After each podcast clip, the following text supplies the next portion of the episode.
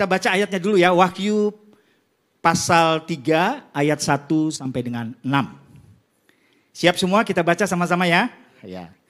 Jadi dua, tiga. Dan in, tuliskanlah kepada malaikat jemaat di Sardis. Inilah firman dia yang memiliki ketujuh roh Allah dan ketujuh bintang itu. Aku tahu segala pekerjaanmu. Engkau dikatakan hidup, padahal engkau mati. Bangunlah dan kuatkanlah apa yang masih tinggal, yang sudah hampir mati. Sebab tidak satu pun dari pekerjaanmu aku dapati sempurna di hadapan Allahku. Tiga. Karena itu ingatlah bagaimana engkau telah menerima dan mendengarnya. Turutilah itu dan bertobatlah. Karena jikalau engkau tidak berjaga-jaga, aku akan datang seperti pencuri dan engkau tidak tahu pada waktu manakah aku tiba-tiba datang kepadamu. Ayat 4. Tetapi di Sardis ada beberapa orang yang tidak mencemarkan pakaiannya. Mereka akan berjalan dengan aku dalam pakaian putih karena mereka adalah layak untuk itu. 5. Barang siapa menang, ia akan dikenakan pakaian putih yang demikian. Aku tidak akan menghapus namanya dari kitab kehidupan. Melainkan aku akan mengaku namanya di hadapan Bapakku dan di hadapan para malaikatnya. Siapa bertelinga, hendaklah ia mendengarkan apa yang dikatakan roh kepada jemaat-jemaatnya. Amin. Berbahagialah setiap orang yang mendengar firman Tuhan, menyimpan dalam hatinya, terlebih lagi melakukannya. Sama-sama katakan, amin. Puji Tuhan. Bapak Ibu kasih dalam Tuhan, jemaat di Sardis ini luar biasa ya. Next slide. Saya akan sampaikan dulu keadaan kotanya ya. Kota Sardis itu sekarang disebut Turki. Nanti saya akan tunjukkan mapnya ya. Adalah kota yang memiliki letak geografis yang memberikan banyak manfaat bagi penduduk di kota Sardis. Kota ini terletak di dataran lembah Hermus dan dikelilingi oleh gunung Molus yang tinggi dan terjal. Gunung Molus ini sepertinya menjadi benteng yang menjaga kota Sardis dari serangan musuh. Selain itu, sungai Paktolus yang mendapatkan aliran air dari gunung Molus biasanya mengalirkan air yang disertai dengan endapan emas di kota Sardis. Wow. Ini kota ada emasnya ya. Gitu kan. Itulah sebabnya kota Sardis menjadi kota yang kaya raya. Yang dapat membuat koin emas dan juga merupakan pusat perdagangan bulu domba. Di kota inilah hidup jemaat Sardis. Jadi sekilas kota ini yang sangat diberkati Tuhan ya. Di sana ada pabrik-pabrik uh, pakaian atau kain dari bulu domba. Terkenal ya. Mungkin ada tur ke sana ya, ke Turki mungkin masuk ke sini ya. Nah, Ya, jadi kota ini sangat diberkati, ya. Penduduknya juga diberkati. Ada emas, ada bulu domba. Bulu domba itu mahal ya, Saudara ya. Kita tahu jualnya persenti atau apa ya, mahal ya, Saudara ya. Oke. Jadi kalau secara ekonomi jemaat ini diberkati, ya. Kita juga semua diberkati sini. Amin. Amin. Yang nonton juga diberkati Tuhan. Amin. Kasih jempolnya. Wow, Yesus dahsyat. Ya, puji Tuhan. Oke. Next, kita lihat petanya ya. Nah, ini kira-kira tujuh jemaat ini ya, message to the seven church. Ya. Nah, Sardis itu kalau saudara search di peta, itu tulisannya Sart, S-A-R-T. Itu akan S-A-R-T, Sart, Turki muncul. Dia berada di sebelah barat negara Turki. Ya, saya senang sama map supaya saya tahu saya ada di mana gitu loh ya. Uh, pelabuhan dekat di mana, air dekat di mana, di mana kita bisa tahu ya. Puji Tuhan ya. Baik, nanti ada dua jemaat lagi yang minggu depan dan minggu akan datang ya. Puji Tuhan. Baik, kita masuk dalam pembahasan ayatnya. Puji Tuhan. Next. Wahyu 3 ayat 1 sampai 6 yang kita baca tadi merupakan isi surat yang Tuhan Yesus tujukan kepada jemaat di Sardis. Tuhan Yesus terlebih dahulu memperkenalkan dirinya sebagai pemilik dari ketujuh jemaat yang ada di Asia Kecil. Jadi jemaat ini adalah milik Tuhan. Amin. Nah, ya, jemaat ketujuh jemaat yang milik Tuhan ya. Setelah itu dan yang memiliki otoritas penuh untuk menilai apa yang dilakukan oleh jemaatnya. Jadi kita sebagai jemaat Tuhan, sebagai anak-anak Tuhan itu Tuhan yang menilai kita. Tuhan yang melihat kita. Nah, setelah itu Tuhan Yesus berkata kepada jemaat Sardis, ini ya tuh pernyataan Tuhan, aku tahu segala pekerjaanmu. Jadi Tuhan tahu apa yang kita kerjakan. Engkau dikatakan hidup, padahal engkau mati. Perkataan Yesus ini merupakan kecaman yang keras terhadap jemaat Sardis.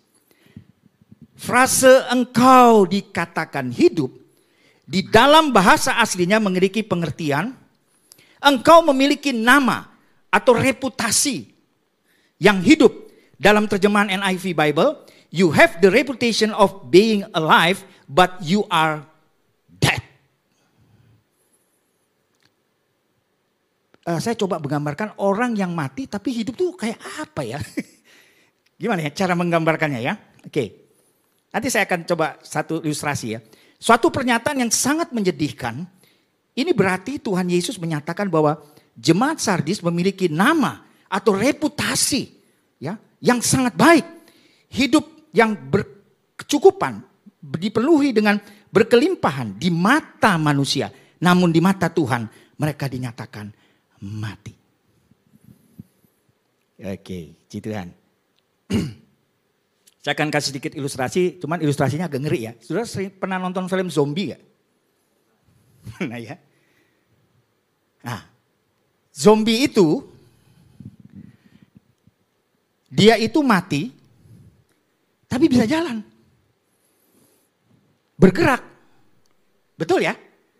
Ya, dia mati, tapi bergerak. Lalu dia mencari mangsa yang lain.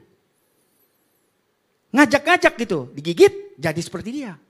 Digigit jadi seperti dia. Ya. Kalau ngajak yang bagus nggak apa-apa, ini ngajak jadi zombie.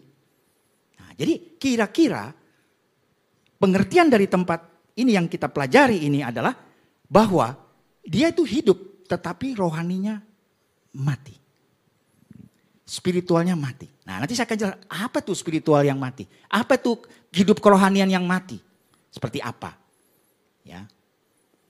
Jadi secara fisikal dia hidup normal semua, jalan, ya, dandan, sisiran ganteng, cantik, oke, okay, everything is okay, ya. Nah, nanti kita akan lihat. Oke, next slide. Mengapa Tuhan Yesus mengecam mereka dengan pernyataan yang demikian? Ini sangat keras ya. Di ayat 2b kita menemukan jawaban yakni sebab tidak satupun dari pekerjaanmu aku dapati sempurna di hadapan Allahku. Jadi apa yang dilakukan oleh jemaat Sardis ini bagus, baik, tetapi di mata Tuhan belum sempurna.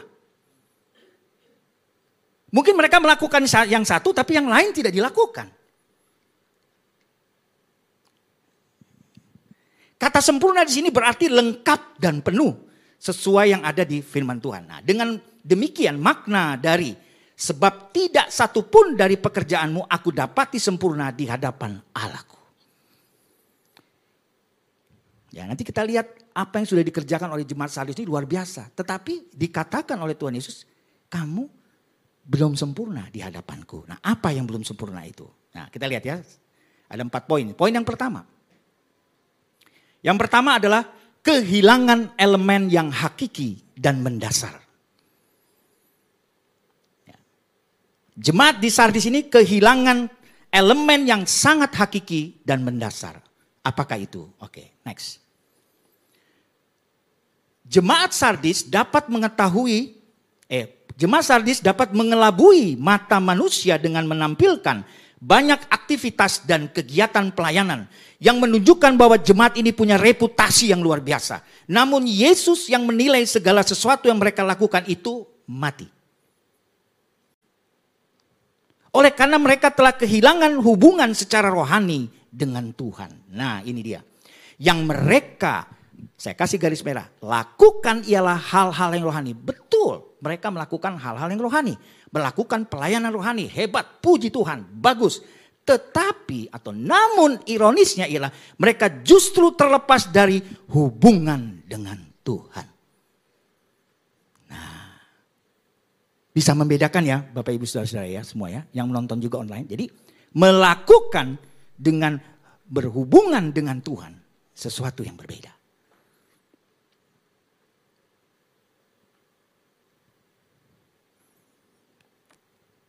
Hubungan rohani dengan Tuhan. Ya. Jelas ya? Nah. Lalu next. Bagaimanakah hubungan rohani kita dengan Tuhan selama ini? Baru bagaimana? Apakah kesibukan, aktivitas, serta kegiatan pelayanan kita telah menggeser hubungan pribadi kita dengan Tuhan? Ya kadang kita sibuk. Oh, saya juga mengalami saudara ya dalam awal-awal saya bertobat sekitar 20 tahun yang lalu. Wah semangat melayani. Ini jam doa juga kurang sama Tuhan. Padahal itu yang Tuhan tunggu. Ya. Baik. Lalu bagaimana? Supaya kita bisa berhubungan dengan Tuhan dengan semangat yang tinggi, dengan sukacita. Ya, kita lihat dulu. Yang harus kita lihat kita harus punya kerinduan. Wah, ya. Next slide. Saya baca dulu ya. Oke. Okay. Mazmur 42 ayat 1 berkata, "Untuk pemimpin biduan nyanyian pengajaran Bani Korah, seperti rusa yang merindukan sungai yang berair, demikianlah jiwaku merindukan engkau, ya Allah." Saudara rindu gak sama Tuhan? Siapa yang di sini pernah pacaran? Eh, kalau sudah menikah pasti udah lewat ya. Itu kalau lagi rindu, uh, kalau zaman dulu pakai surat ya. Kalau sekarang kan ada HP ya. Dulu enggak ada pakai surat sudah. Kadang eh, sudah diterima belum ya? Ih, kayaknya gimana gitu ya. Suratnya baru suratnya pas dibuka harum lagi ya. Ada apa? Pewanginya. Hmm. Gitu ya. Ini yang anu yang old style ya. Kau niat sekarang pakai email pacarannya ya. Wah, pakai Zoom. Sampai Zumba lagi katanya gitu ya. Puji Tuhan. Nah, jadi harus ada kerinduan. Kalau orang punya kerinduan, pasti dia ingin bertemu. Betul nggak? Iya. Rindu sama istri saudara? Sama suami saudara? Wah kalau sampai nggak rindu berbahaya saudara. Eh sewes-sewes belas yang ini. Sini yang berpacaran rindu dong sama kekasihnya, betul? Wah malam tidur diinget terus. Saudara, kalau saudara punya kerinduan kepada Tuhan, saudara pasti akan mencari dia. Saudara akan berusaha bertemu dengan. Tapi kalau tidak ada kerinduan, waduh.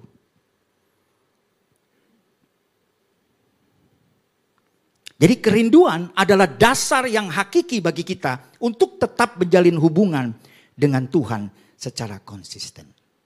Lihat kiri kanan katakannya. Konsisten dengan Tuhan. Ya, konsisten. Kelemahan manusia yang terbesar adalah konsisten. Cinta mula-mula. Kalau kita baca nanti di jemaat Laudikia. Itu keren juga itu. Aku tahu pekerjaanmu. Nah sedikit aja highlight. Misimu, pekerjaanmu, pelayananmu semua hebat. Baru Tuhan bilang. Tapi engkau melupakan cinta mula-mula. Wah. Ingat saudara, ketika kita diselamatkan, bukan siapa-siapa kita ini. Siapakah kita ini? Kok kita ada hari ini? Karena anugerah Tuhan. Amin, puji Tuhan. Nah, lalu bagaimana untuk aplikasinya? Untuk mencapai kerinduan kita kepada Tuhan. Bagaimana? Ah, di sini ada tiga ya. Oke, next. Yang pertama, oke, saya minum dulu ya.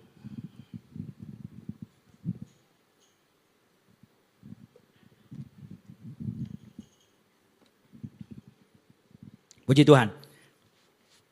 Kalau saudara rindu sama Tuhan, yang pertama, saudara pasti memiliki doa pribadi setiap hari. Wow.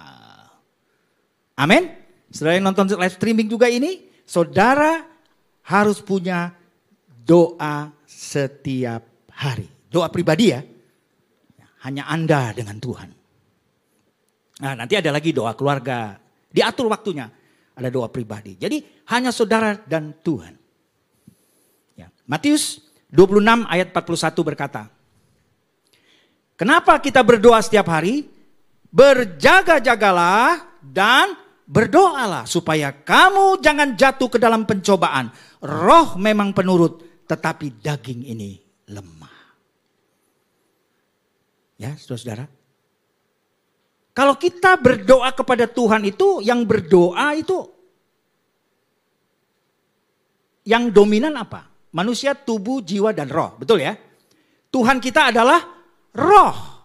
Oleh sebab itu kita berdoa juga di dalam roh kepada Tuhan. Memang jiwa dan tubuh kita ikut. Mungkin dengan sikap berdoa, berlutut. Atau saudara bagaimana caranya ya. Hanya saudara dan Tuhan yang tahu. Uh, kalau tidak salah minggu lalu Pak Jarod bilang masuk di kamar kunci pintu berdoa. Wah hebat itu. Eksklusif dengan Tuhan. Wah, luar biasa saudara ya. Kita eksklusif dengan Tuhan. Tuhan menyediakan waktu yang terbaik buat kita. Kita mau ketemu pejabat orang penting saja. Kalau dia bertemu dengan kita berdua rasanya gimana gitu. Mungkin dari malam kalau yang ibu-ibu sudah sanggulan pakai wah macam-macam karena besok sudah tidak tidur besok mau ketemu orang penting ini ya kan. Wah semua kacamata baru, wah sepatu baru, baju baru, semua baru sudah ya. Untuk ketemu orang penting besok. Tapi mau ketemu Tuhan, hmm, ya haleluya ya. Nah, sudah kasih dalam Tuhan, kita bertemu berbicara dengan Tuhan yang menjadikan langit, bumi dan segala isinya. Menciptakan yang tidak ada menjadi ada, yang tidak bisa menjadi bisa. Beri kemuliaan buat Tuhan. Haleluya. Wuh, luar biasa saudara. Jadi doa pribadi setiap hari itu penting. Coba lihat kiri kanan. Eh doa pribadi penting loh. Ah, ingetin saudara. Kita nih punya roh kudus yang menolong kita. Kadang kita ini bisa lupa. Tapi roh kudus mengingatkan. Ada suara yang mungkin kecil di hati kita. Tapi dia memberikan kita warning. Ya. Doa pribadi setiap hari. Puji Tuhan, haleluya. Nah, saudara di Alkitab, ada yang tahu nggak yang suka berdoa? Siapa?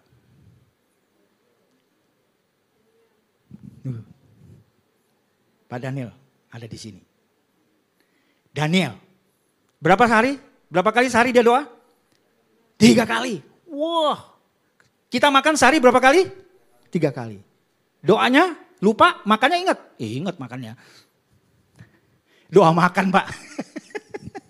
doa makan pun cepet-cepet ya kalau dulu doanya makanannya ditutup gini Tuhan berkati makanan minum dulu karena dia takut kalau ditutup amin hilang Saudara kasih dalam Tuhan. Jadi doa itu Daniel. Siapa lagi? Nabi-nabi kalau kita baca ya berdoa. Tuhan Yesus pun berdoa. Saudara, saudara baca. Dia menyendiri naik ke atas bukit dia berdoa sendiri. Bukan hanya waktu mau disalib saja loh. Sebelumnya juga dia udah saudara baca. Di kitab Injil itu dia berdoa. Dia menyendiri saudara baca. Dia mengambil waktu khusus untuk berdoa. Wow. Haleluya. Puji Tuhan. Doa pribadi setiap hari itu sangat penting. Kita terkonek dengan Tuhan. Lalu Pak, saya doa dapat apa dengan doa saya? Kita belum berdoa saja Tuhan Yesus sudah mati buat saudara dan saya. Jangan sudah tanya lagi minta apa. Kita tidak sadar Tuhan sudah mati buat kita. Dia sudah tebus kita dengan darahnya. Justru kita sekarang yang berhutang nyawa sama dia saudara. Karena Yesus sudah mati buat kita.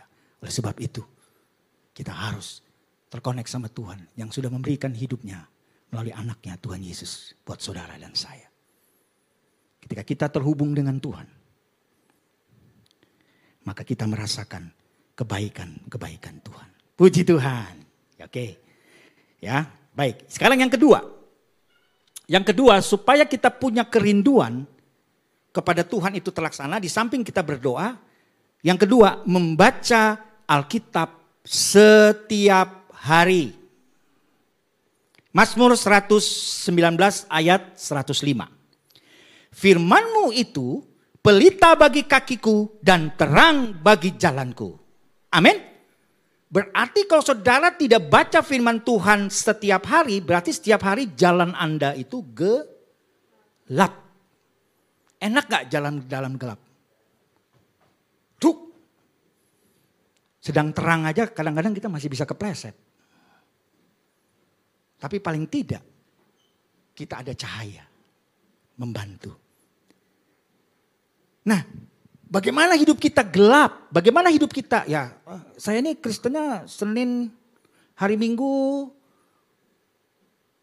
Haleluya, Senin sampai Jumat, Halelupa, Halilintar dan seterusnya. Hari Minggu harinya Tuhan, hari lainnya hari saya. Kok nggak bisa? Saudara dan saya hari ini ada, itu karena kasih karunia Tuhan. Karena anugerah Tuhan kita ada hari ini. Puji Tuhan. Jadi membaca Alkitab setiap hari. Di dalam ayat yang lain Yosua 1 ayat 8, renungkanlah firman Tuhan siang dan malam dan bertindak hati-hati atas semua yang tertulis di dalamnya. Maka perjalananmu akan berhasil dan engkau akan beruntung. Beri kemuliaan bagi Tuhan. Uh, haleluya. Puji Tuhan. Ya, membaca Alkitab setiap hari itu kita berarti juga membaca surat cintanya Tuhan. Wah. Jadi bukan hanya baca dari surat kekasih kita, tapi baca dong. Cinta Tuhan kepada kita sudah memberikan nyawanya buat kita. Wah. Kita harus merasa apa ya? Uh, uh, iling, iling apa? Harus ingat. Kita harus ingat. Waktu saya mengingat, waduh Tuhan sudah mati buat saya. Wah saya langsung, waduh Tuhan saya harus itu. Jadi iblis itu mau menghilangkan fokus kita kepada hal-hal yang di luar Tuhan. Dan dia tidak berhenti. Ya, ini sudah cari ayatnya ya. Dia seperti singa yang mengaum-ngaum dan menunggu saatnya buat kita tekan. Makanya kalau kita tidak berjaga-jaga di dalam wahyu tadi, berbahaya saudara. Nah, salah satu kita berjaga-jaga adalah kita harus doa, terkonek sama Tuhan. Karena pertolonganku, perlindunganku dari Tuhan datangnya. Kadang kita ini, apa ya, kita ini terbatas saudara ya. We are limited. But we have a God unlimited. Beri kemuliaan buat Tuhan. Haleluya. Wuh, luar biasa saudara. Ya. Kita pikir, waduh saya cuma segini. Iya, kita terbatas saudara. Tapi kita punya Tuhan yang tidak terbatas. Baca firmannya. Di firman Tuhan. Dari kejadian sampai wahyu saudara baca. Itu luar biasa. Ya, luar biasa. Ya. Siapa yang sudah baca firman Tuhan selesai? Kejadian sampai wahyu? Ada? Oh. Ah satu. Omanina. Hebat. Ya satu. Ada? Atau baris separuh jalan? Ya Ibu Debi. Ada lagi? Gak apa-apa saudara. Tapi lanjutkan.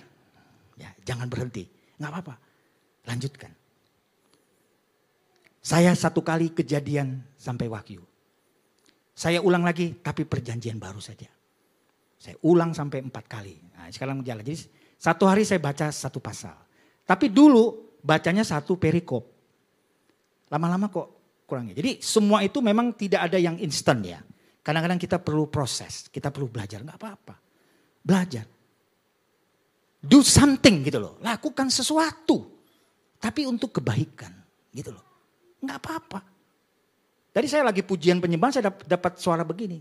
Kadang kita ini mana ya? Rokus bilang uh, dianggap di dunia ini kita, wah kamu tuh kayaknya bodoh, kamu tuh nggak pinter, nggak apa-apa.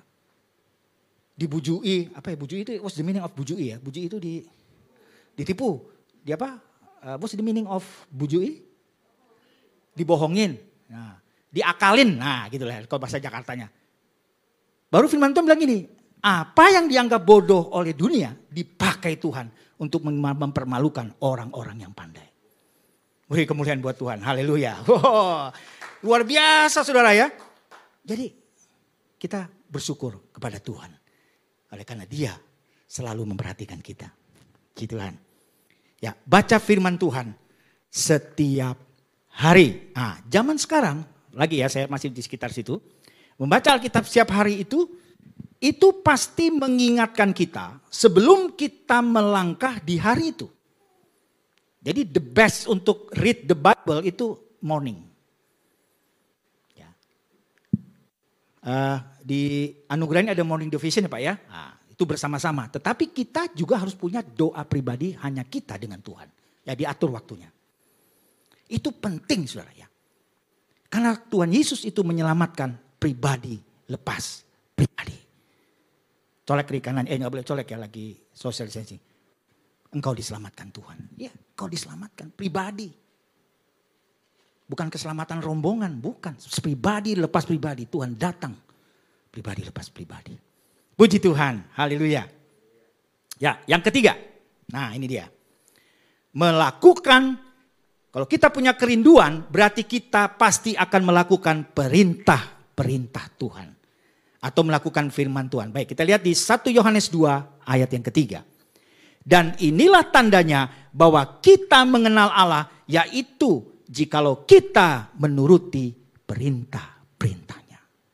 Perintah-perintahnya ada di mana? Al Alkitab, firman Tuhan. Saya tahu perintah Tuhan. Baca Alkitab? Enggak. Oh ya enggak tahu lah. Kalau saudara tahu perintah Tuhan, apa isi hati Tuhan, apa yang Tuhan mau, siapa Tuhan yang kita sembah itu, baca Alkitab. Tentu baca Alkitab harus berdoa minta tuntunan Roh Kudus agar dia memberikan kita pengertian, understanding tentang apa yang kita baca. Saya mau khotbah hari begitu banyak ayat kau bisa mau keluarkan tidak cukup waktunya. Makanya kadang saya sebut saja. Saya ucapkan saja itu adalah dari firman. Nah melakukan perintah Tuhan bahwa mengenal Tuhan yaitu jikalau engkau menuruti perintah-perintahnya. Nah di Alkitab sekarang kita lihat. Kita back ke Daniel. Daniel ini berdoa sehari tiga kali. Baru dia dikatakan dia apa ya dalam tanda kutip difitnah lah gitu. Ya kan? Hanya dia ditangkap. Karena harus menyembah. Karena raja keceplosan ngomong ya. Saya enggak banyak cerita, fitnah. Masuk ke singa. Tapi dia tetap berpegang teguh. Dia tidak menyangkal Tuhan. Itu hebat. Lalu siapa lagi? Yusuf. Hebat nih, pengen ada Daniel, ada Yusuf anaknya. Lengkap, luar biasa. Yusuf kenapa? Sudah digoda oleh siapa istrinya Potifar? What's the meaning? Uh, tante Potifar ya. Oke. Okay. Eh, tante, ganggu-ganggu saya. Nah. Waktu itu si Yusuf maju uh, lari menjauh atau lari mendekat ya? Menjauh. Sudah digoda nih sama si tante ini. Tapi Yusuf tidak tergoda. Karena dia melakukan perintah Tuhan. Wah itu godaan sudah itu antara wah ini enak ini. ini tapi ini kok gini ya. Gak mudah saudara. Ya kan? Gak mudah saudara kasih dalam Tuhan. Melakukan perintah Tuhan itu kita baca bisa. Tapi waktu kita menghadapinya kita juga perlu satu kekuatan. Kemampuan. Karena di situ dalam tanda kutip ada godaan. Ada tawaran-tawaran yang menarik.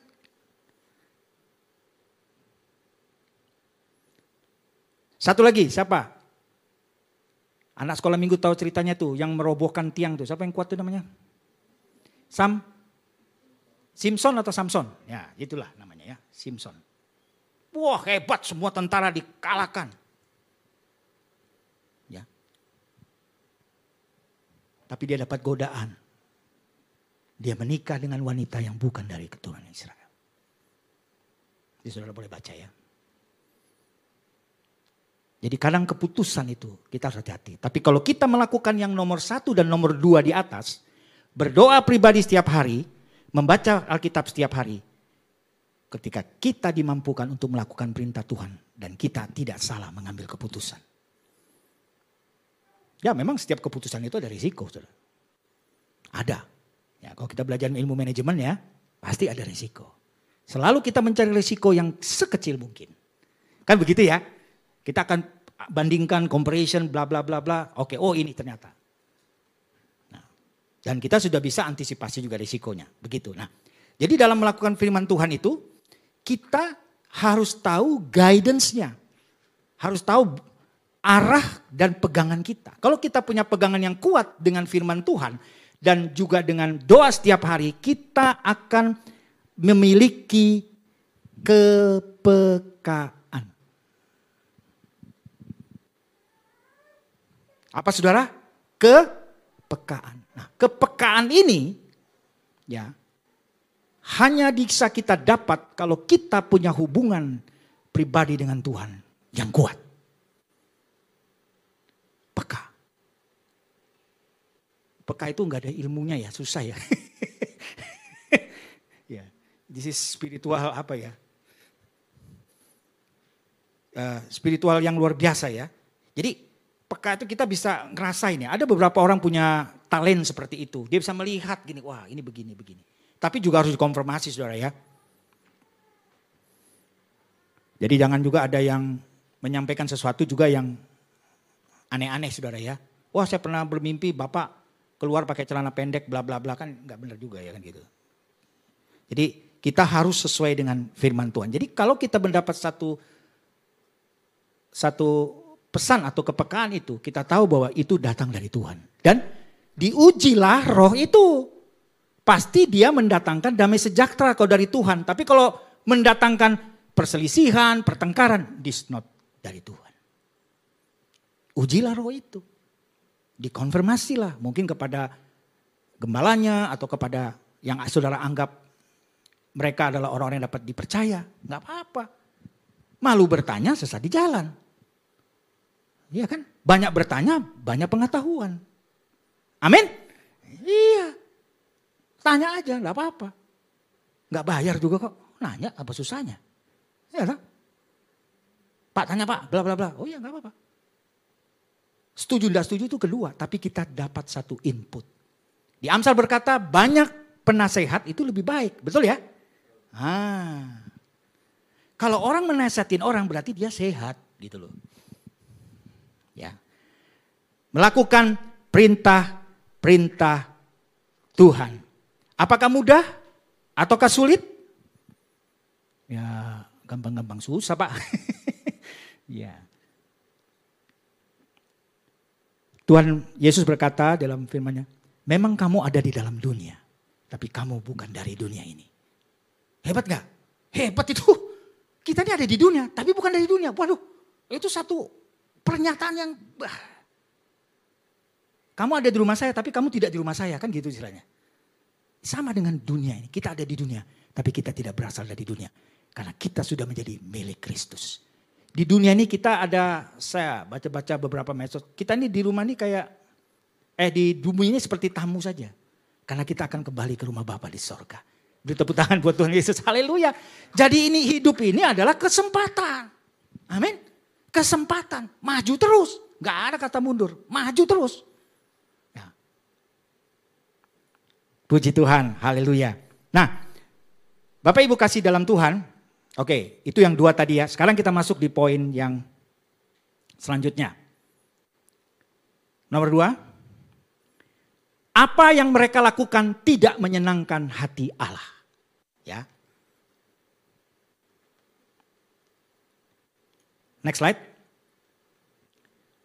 Leon Morris berkata, the church may have pleased man, but it did not please God. Artinya, Bapak, Ibu, opo iku. Gereja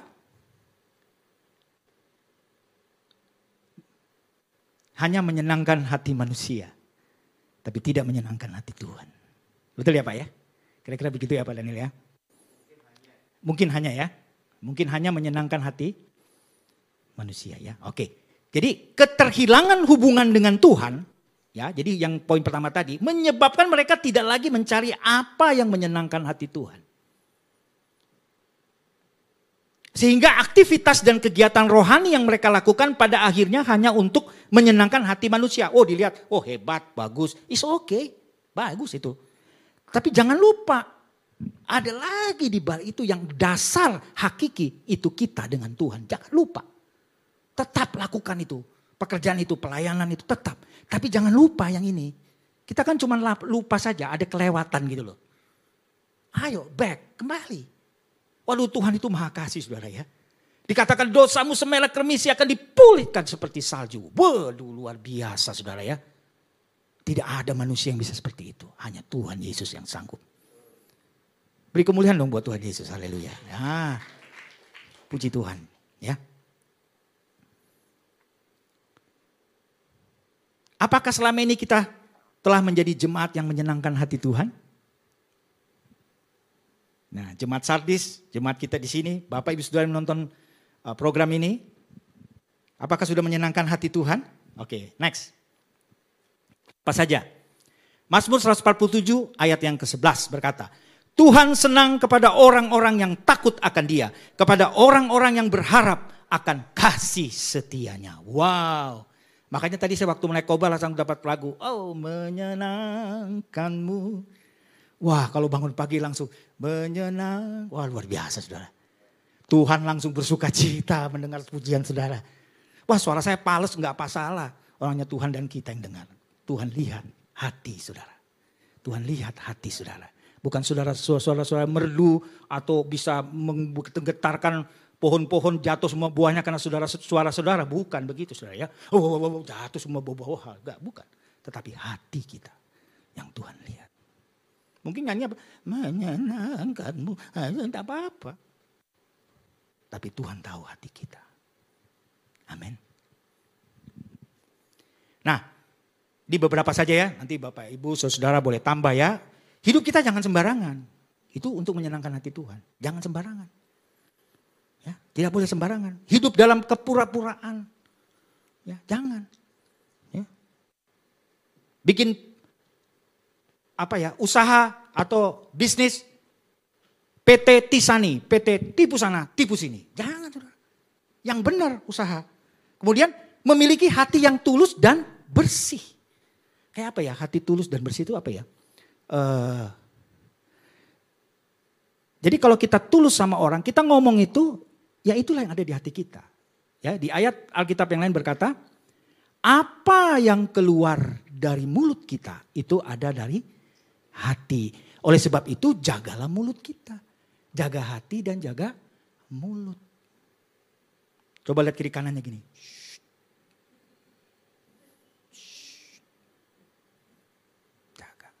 Bukan begini ya, itu bukan itu menghakimi saudara ya. Ini begini.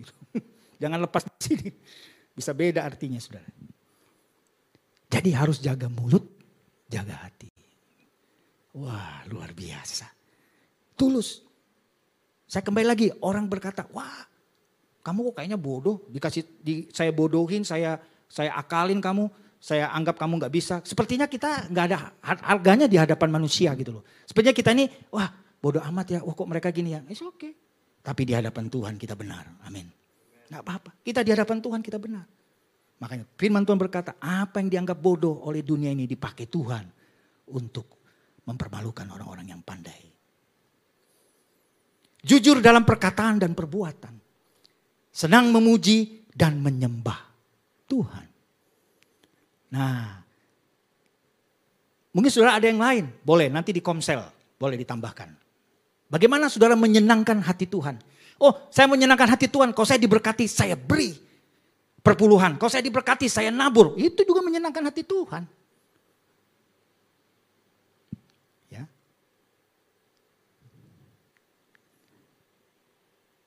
Jadi di samping kita juga dalam karakter kita, ya, dalam kita memberi juga itu hal memberi kan ada di Alkitab. Beri aja. Bukan masalah nilainya saudara. Bukan berapa besar yang saudara beri atau tetapi ketika hati saudara ditaruh untuk memberi, berilah. Maka kamu akan diberi. Carilah, maka kamu akan mendapatkan. Ketuklah, maka pintu akan dibukakan bagimu. Haleluya, puji Tuhan. Ya. Ya, baik. Saudara kasih dalam Tuhan, Siapa sini yang mau menyenangkan hati Tuhan? Angkat tanganmu. Ya, saya mau menyenangkan hati Tuhan. Yes. Gitu Tuhan ya. Oke. Ah, sekarang ini yang agak enak ya. Poin 3 dan 4. Nah, di sini Tuhan Yesus dalam bacaan kita tadi di ayat mulai ayat 4, 5, 6 dia berkata bangun. Masih ada beberapa jemaat di Sardis yang hidupnya juga benar, enggak semuanya enggak benar. Ada juga yang benar. Ya, ini teguran ya. Teguran teguran itu berarti membuat kita untuk kita naik the next level. Ya. Teguran itu bukan membuat kita mundur, tapi teguran itu membuat kita maju. Karena iblis itu kerjaannya supaya kita jatuh, supaya kita apa ya, is, uh, apa ya, uh, sudahlah, emang beginilah nasibku ya nasib, hidupku begini. Nah, tapi kita di dalam Tuhan, waktu itu Tuhan, yes, aku mendapatkan jalan, yes. Bangun dan kuatkanlah apa yang masih tinggal. Ayat 2a. Mungkin Suatu yang sudah tidak ada. Apa yang ada sama kita sekarang? Mungkin ada kepingan-kepingan yang masih tertinggal. Mungkin wah kan tidak ada artinya kepingan ini. Tetapi itu masih ada gitu loh. Ambil saja enggak. Mungkin tidak sempurna, tidak perfect. Tetapi itulah yang ada sekarang. Saya coba pikir apa ya yang gampang itu ya.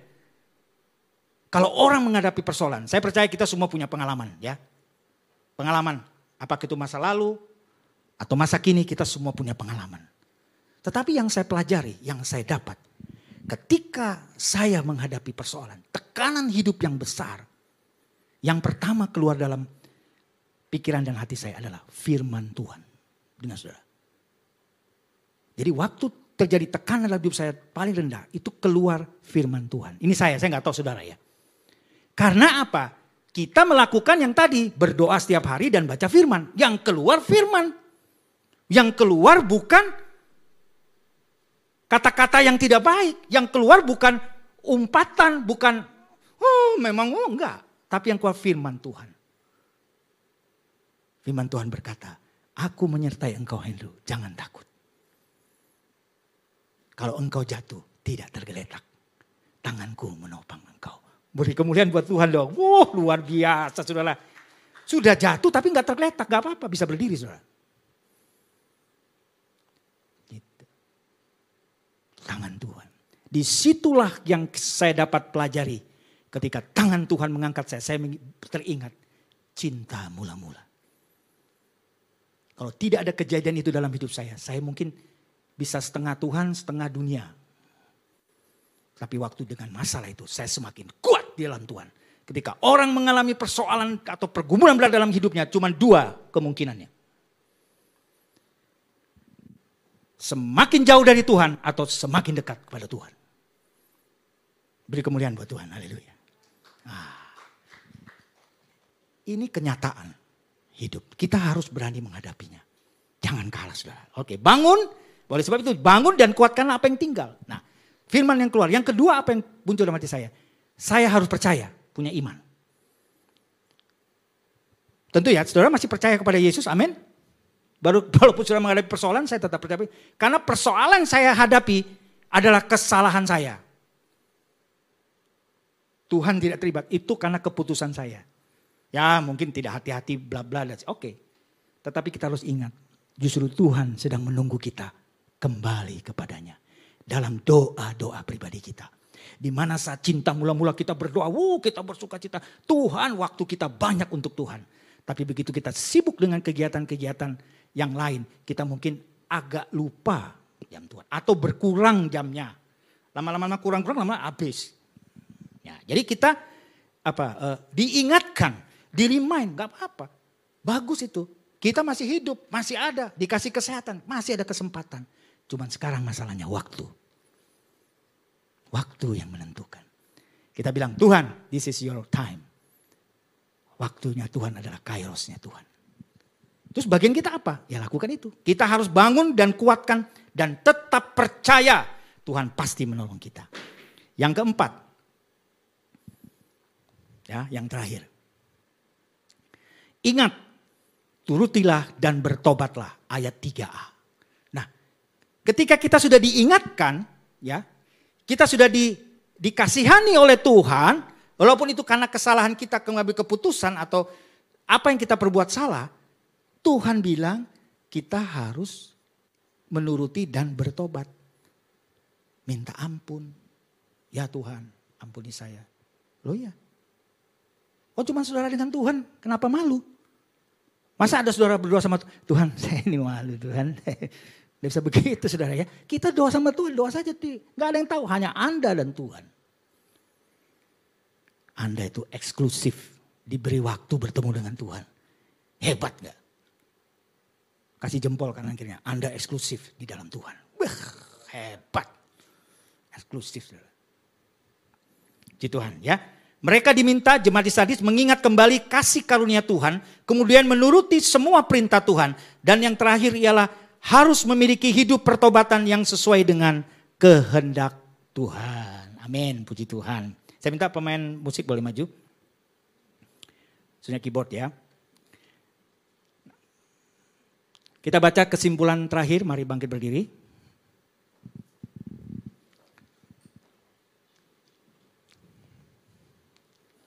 Akhirnya, dua, tiga. Akhirnya Tuhan Yesus memberikan suatu penghargaan bagi mereka yang menang. Wow, kita akan dapat penghargaan saudara ya dikatakan ya. Di hari penghakiman kita akan mendapat penghargaan dari Tuhan. Barang siapa menang dari ya. Ini mereka yang mau bertobat. Merajut kembali kehidupan rohani dengan Tuhan. Dan tidak mencemarkan kehidupan iman mereka. Mereka akan diakui namanya di hadapan Allah dan di hadapan para malaikatnya. Ini merupakan pengharapan dan penghargaan yang terindah bagi semua jemaat Tuhan. Haleluya. Ada pemain keyboardnya, musik? Puji Tuhan, ya.